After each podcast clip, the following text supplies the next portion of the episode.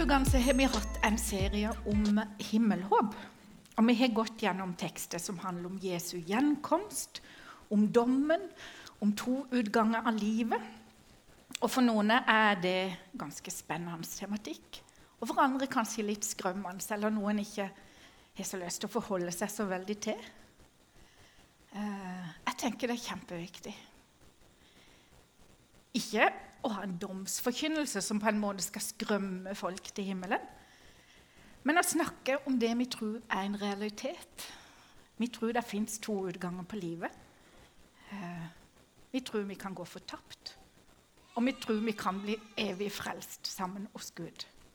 Og det er ikke noe mellomløsning. Ingen slipper på en måte unna dette. En gang så skal det gjelde oss alle. Og så, treng, og så klarer ikke vi mennesker å ordne opp i vår egen frelse.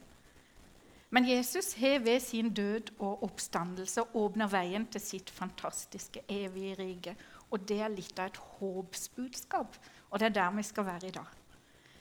For Bibelen er ikke mest opptatt av detaljer rundt dommen, åssen Jesu gjenkomst skal foregå, når tid det skal skje osv. Men Bibelen er aller mest opptatt av håpet. Håpet om et evig liv etter oppstandelsen fra døden. Da jeg var 19 år, så døde min far.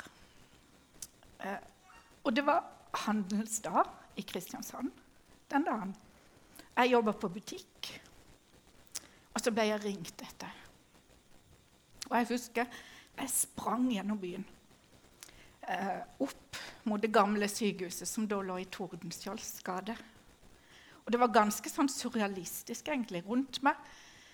Så var det handelens dag. Det var handel, det var liv, og det var latter som surra rundt meg. Og inni meg så var det smerte, det var sorg, det var død. For jeg skulle se min far, som akkurat var død. Men da jeg så han i senga der han lå på sykehuset, så fikk jeg en sånn fred inni hjertet. En fred som jeg tror bare vi som tror på Jesus, kan få. For jeg bare visste at jeg skulle se han igjen. Jeg bare visste at han var trygg hos Jesus. Så kan en si at vi mennesker Vi kan håpe og tro på mye som muligens ikke er en realitet. Og så vil kanskje noen si at en sånn visshet som jeg hadde da, og fortsatt har, det er en litt sånn menneskelig, psykologisk trøstemekanisme. Og det er det nok òg. Men hvis vi gjenger til Bibelen, nå, så er det mer enn det. For Bibelen er tydelig på at det finnes et liv etter døden. Og så er Bibelen noe konkret på åssen dette ser ut. Og så finner vi masse bildespråk.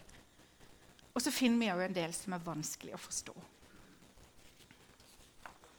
Så det er på et vis et enormt tema jeg har tatt på meg da. Eh, og vi kommer garantert ikke gjennom alt, eh, men noe. Teksten i dag eh, den er fra Åpenbaringa 21, 1-7. Og der står det Og jeg så en ny himmel og en ny jord. For den første himmelen og den første jord var borte, og havet fantes ikke mer. Og jeg så den hellige byen, det nye Jerusalem, stige ned fra himmelen. Fra Gud gjort i stand og pyntet som en brud for sin brudgom. Og jeg hørte fra tronen en høy røst som sa:" Se, Guds bolig er hos menneskene. Han skal bo hos dem, og de skal være hans folk. Og Gud selv skal være hos dem. Han skal være deres Gud. Han skal tørke bort hver tåre fra deres øyne, og døden skal ikke være mer, heller ikke sorg eller skrik eller smerte. For det som en gang var, er borte.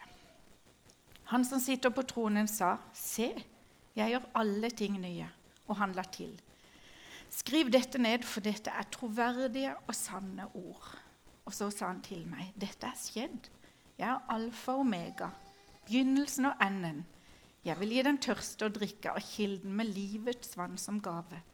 Den som seirer, skal få dette i arv, og jeg vil være hans Gud, og han skal være min sønn. For meg er dette utrolige, fine håpsord. For en dag står det her, så vil Gud skape noe nytt. Og det er et konkret resultat og frukt av Jesu død på korset. Syndefallet i Edens hage førte ikke bare til at menneskene måtte forlate hagen, men forgjengelighet og død kom òg inn i verden og ble en del av våre liv. Og hele skaperverket ble prega av forgjengelighet pga. menneskenes synd. Men Jesus han sona, han bar straffen og skylda for oss. Han overvant synden. Og han vant retten til total fornyelse av skaperverket. Det første skaperverket må vike plass for noe helt nytt. Og så går det i bru fra de første til de siste kapitlene i Bibelen. Det starter med skapelsen i første Mosebok 1, og så avsluttes det i nyskapelsen i åpenbaringa 21. Men det er en viktig forskjell. I begynnelsen så hadde ikke synda kommet inn i verden. Syndefallet hadde ikke skjedd. Og nå har det skjedd, men synden og forgjengeligheten er overvunnet. Og det er en nyskapning av hele skaperverket som Jesus har bana vei for. Døden, synden, sorgen, smerten, ja, alt det onde har Jesus gjennom sin død overvunnet. Tatt makta over. Det skal ikke finnes mer. Det vakre, det gode, det fullkomne skaperverket. Det skal bryte gjennom alt det som er skjult og holdt vekke fra oss.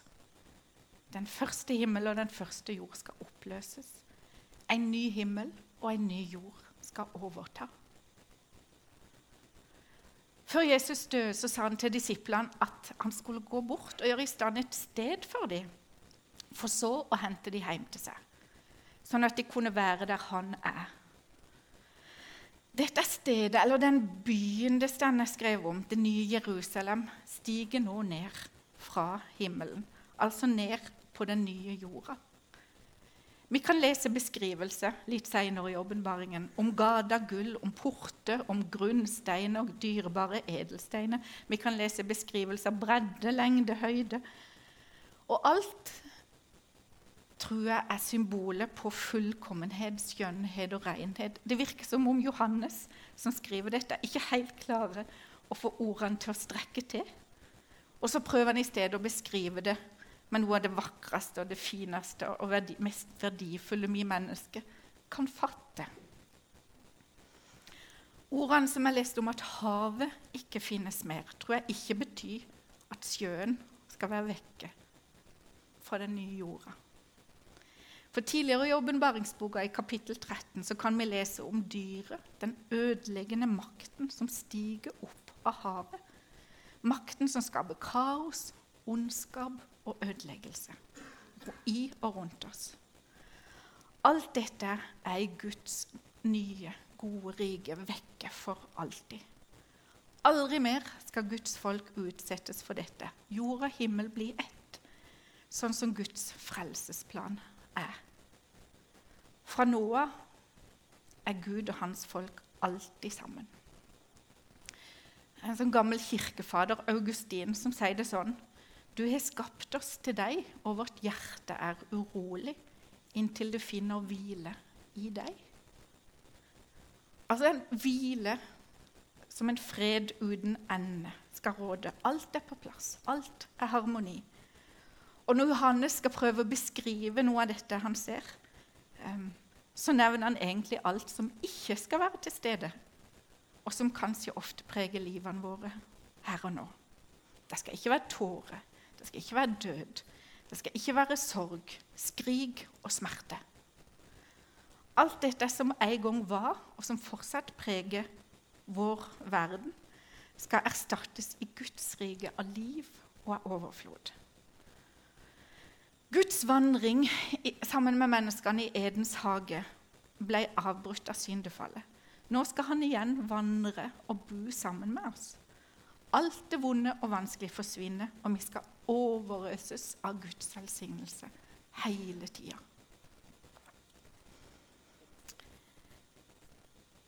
Kan vi se litt mer sånn konkret, da? Åssen vi tror at livet vårt, en ny himmel og en ny jord, skal bli. Jeg tror mange av oss har hørt om himmelske gullgade, om engler som flyr rundt, om lovsang i det uendelige. Og så høres det kanskje litt sånn kjedelig ut i lengda, hvis det er bare det det dreier seg om. Jeg vet om ei som drømmer om å kjøre snøscooter i full fart, for da skal det liksom ikke være så farlig. Uh, og så vet jeg om noen som sier at det er jo ikke så nøye om vi ikke har sett hele verden her og nå i dette livet, for i evigheten så skal vi liksom oppleve alt vi vil. Et par damer jeg kjenner, de dømmer om å dele rom med Egil Svartdal i himmelen. For han sier så utrolig mye bra, syns de. Men jeg tror vi har nok mange bilder, mange ulike forestillinger og mange tanker og drømmer. Og så har jeg sett litt på hvordan noen er mye mer kloke mennesker enn meg har tolka Bibelen og konkretisert livet eh, i den nye himmelen og den nye jord. Ei snart 100 år gammel bok da, av Ole Hallesby beskriver noe av dette. Ole Hallesby er kanskje mest kjent for den såkalte helvetesdebatten som, som kom i gang etter en skikkelig sånn ramsaltale han hadde på radioen i 1953. Men Hallesby hadde en veldig sånn jordnær forståelse av det kristne evighetshåpet. Han kommenterte noen bibelvers i Matteus 5 der det står at himmel og jord skal forgå. Som noen ord ikke om tilintetgjørelse, men om gjenfødelse. At Gud ikke skal skape en annen naturverden, men han skal forvandle den nåværende verden. At Gud aldri har gitt opp sin opprinnelige frelsesplan med sine skapninger. Men han setter inn Jesus, han setter inn frelsen og gjør alt om til det Gudsriket opprinnelig var bestemt til. Halsby mener at Jesus skal komme igjen og opprette sitt rike her. Og han, og han argumenterer bl.a. med at Jesus lærte disiplene å be La ditt rike komme. Han sa ikke 'la oss komme til ditt rike', men 'la ditt rike komme til oss'. Og avdøde biskop Erlend Utnem da, han skrev for mange år siden ei bok som heter 'Visst skal jorden bli ny'. Og den har iallfall for meg eh, utvida min forståelse for hva evigheten i Guds rike kan være. For det første så tror jeg vi skal møte Jesus ansikt til ansikt. De første menneskene var sammen med Gud, og de vandra sammen med Gud. Og Det kan vi lese om i første Mosebok 3, at Gud vandrer i hagen i den stille kveldsvinden sammen med menneskene. Og så er det jo litt sånn vanskelig å forestille seg Gud på en liten rusletur i hagen med menneskene. Eh, men det er jo et fantastisk bilde å se for seg. da. Men årsaken til at det ble slutt på de her rusleturene i hagen, da, det var jo igjen Eva og Adam sitt opprør mot Guds gode ordninger og bud. Og istedenfor den gode relasjonen så gjemte de seg. Og kanskje vi fortsatte med å gjemme oss. Noen gjemmer seg for Gud med sine feil og nederlag. Andre kanskje har gjemt seg så lenge og godt at de tenker at Gud ikke bryr seg om dem. Eller at han kanskje ikke eksisterer. Da Jesus kom til jorda og vandra sammen med menneskene for nytt, på nytt, så forsto egentlig heller ikke disiplene eh, med en gang at Gud igjen var midt iblant dem. Disippelen Philip han spurte Jesus en gang, 'Herre, vis oss Far.' Og det er nok for oss. Og så svarer Jesus han, 'Kjenner du meg ikke, Philip? Ennå har jeg vært hos dere så lenge.' Men i Guds rike så skal vi igjen få mulighet til å vandre med Gud i den svale kveldsvinden. Og Johannes han tykker det er så viktig at vi skal forstå at han sier det fire ganger på ulike måter. Han sier, 'Se, Guds bolig er hos menneskene. Han skal bo hos dem. De skal være hans folk, og Gud selv skal være hos dem.' Altså Guds bolig er hos oss. Han skal bo hos oss. Vi skal være hans folk. Gud skal være hos oss. Han sier det igjen og igjen og igjen for at vi bare skal forstå det. Og i evigheten sammen med Gud så er relasjonen vår til Han helt i orden. Vi skal møte ansikt til ansikt. Han som er vår skaper, vår opprettholder, vår frelser. Vi skal vandre i kveldsvinden med Gud og spørre Han om alt vi har på hjertet. Hvorfor ble livet sånn? Hvorfor gjorde du ikke sånn? Hvorfor måtte jeg miste? Hvorfor greip du ikke inn? Alle våre svar vil få nei, Alle våre spørsmål vil få et svar. Men så tenker jeg kanskje litt på om Det er ikke sikkert vi har så mye spørsmål når vi en gang er der. For det kan hende at det å leve sammen med Gud i evigheten tar bort noe av det som Bibelen kaller et slør foran ansiktet vårt. Og så vil vi bare skjønne. Vi vil bare forstå. Og evigheten hos Gud er bare kjærlighet, glede, overflod. Så argumenterer òg de her kloke gutta, da.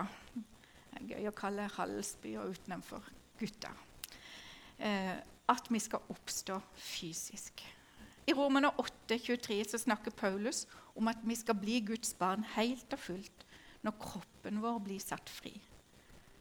Og han sier at vi som har fått Ånden, lengter etter den dagen, ja, òg hele skaperverket. Alt skal bli fri fra å være slave under det som er forgjengelig.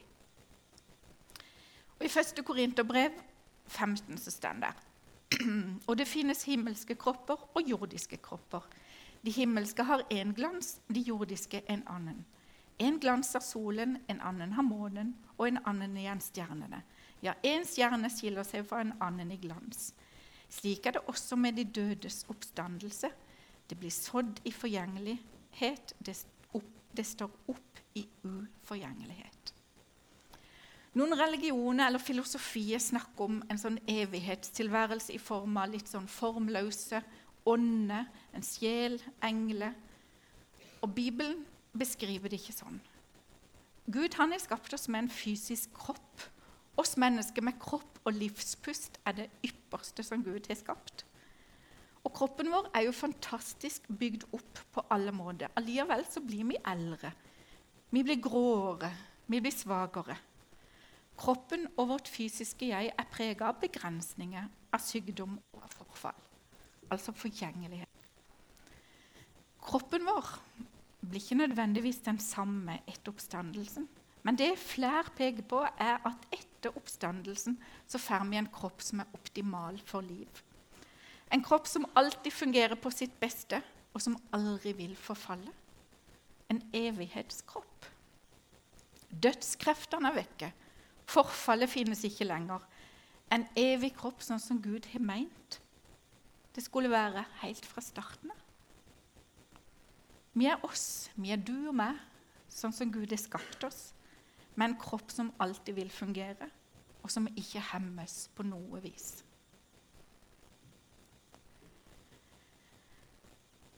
Så tror jeg heller ikke at evigheten blir kjedelig. Et liv i evig hvile, altså i overført betydning et halsløft dovenliv. Jeg tror det blir et spennende liv. Og så tror jeg det blir et liv i kjærlighetens tjeneste.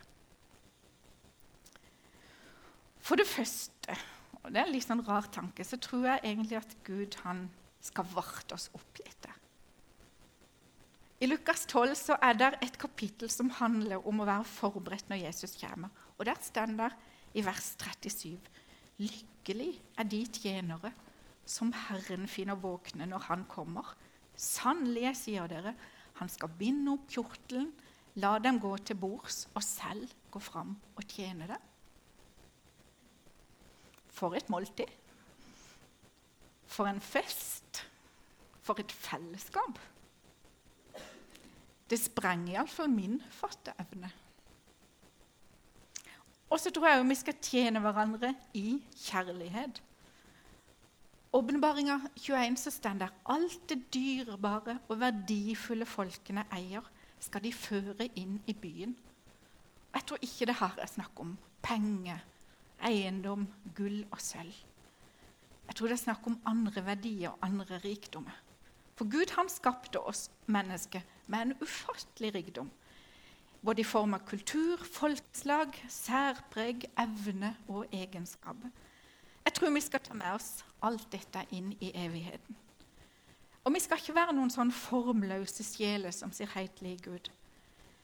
Jeg tror vi skal ha med oss vår personlighet, som er unik i forhold til alle andres. Og vi skal utfolde oss sånn som Gud har tenkt det.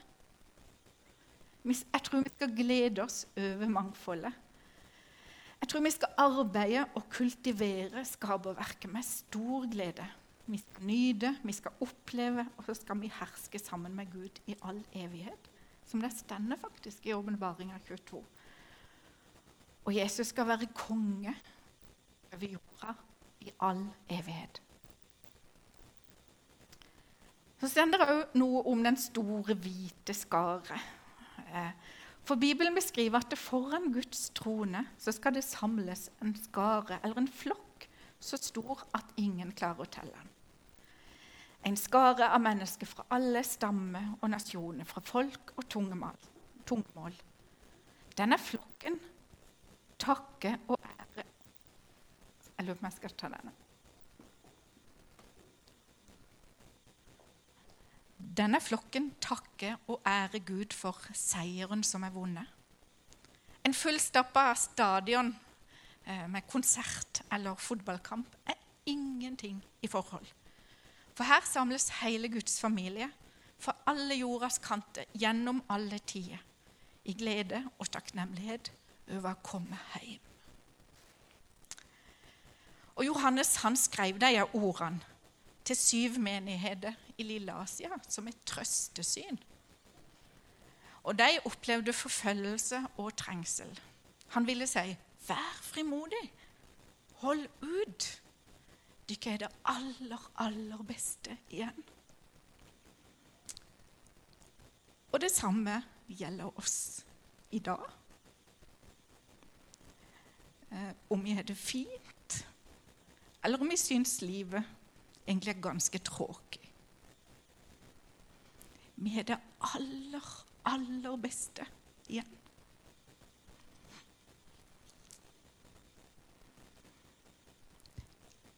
vi vil miste i dette livet her, da. Uh, vi vil miste mennesker rundt oss. Vi vil miste noen vi er glad i. Og til sist så vil vi miste livet sjøl. Og I begravelse så sier vi ofte at vi overgir han eller hun i Guds hender. Og det syns jeg er en fin måte å si det på. Og når vi dør, så gjenger vi ut av tida. Eh, vi forlater denne verden og hele den sammenhengen som vi lever i. Kanskje òg den sammenhengen sånn som tid og rom er rundt oss her og nå. Og så vet vi jo ikke helt hva som er på den andre sida. Men jeg tror at vi som har valgt holde oss til Jesus Vi er hos Han fra det øyeblikket vi òg lukker øynene i dette livet. Jesus han sa til røveren på korset i dag skal du være med meg til paradis. Overlater vi oss og livet vårt til Jesus, så er vi hos Han òg det øyeblikket når vi dør.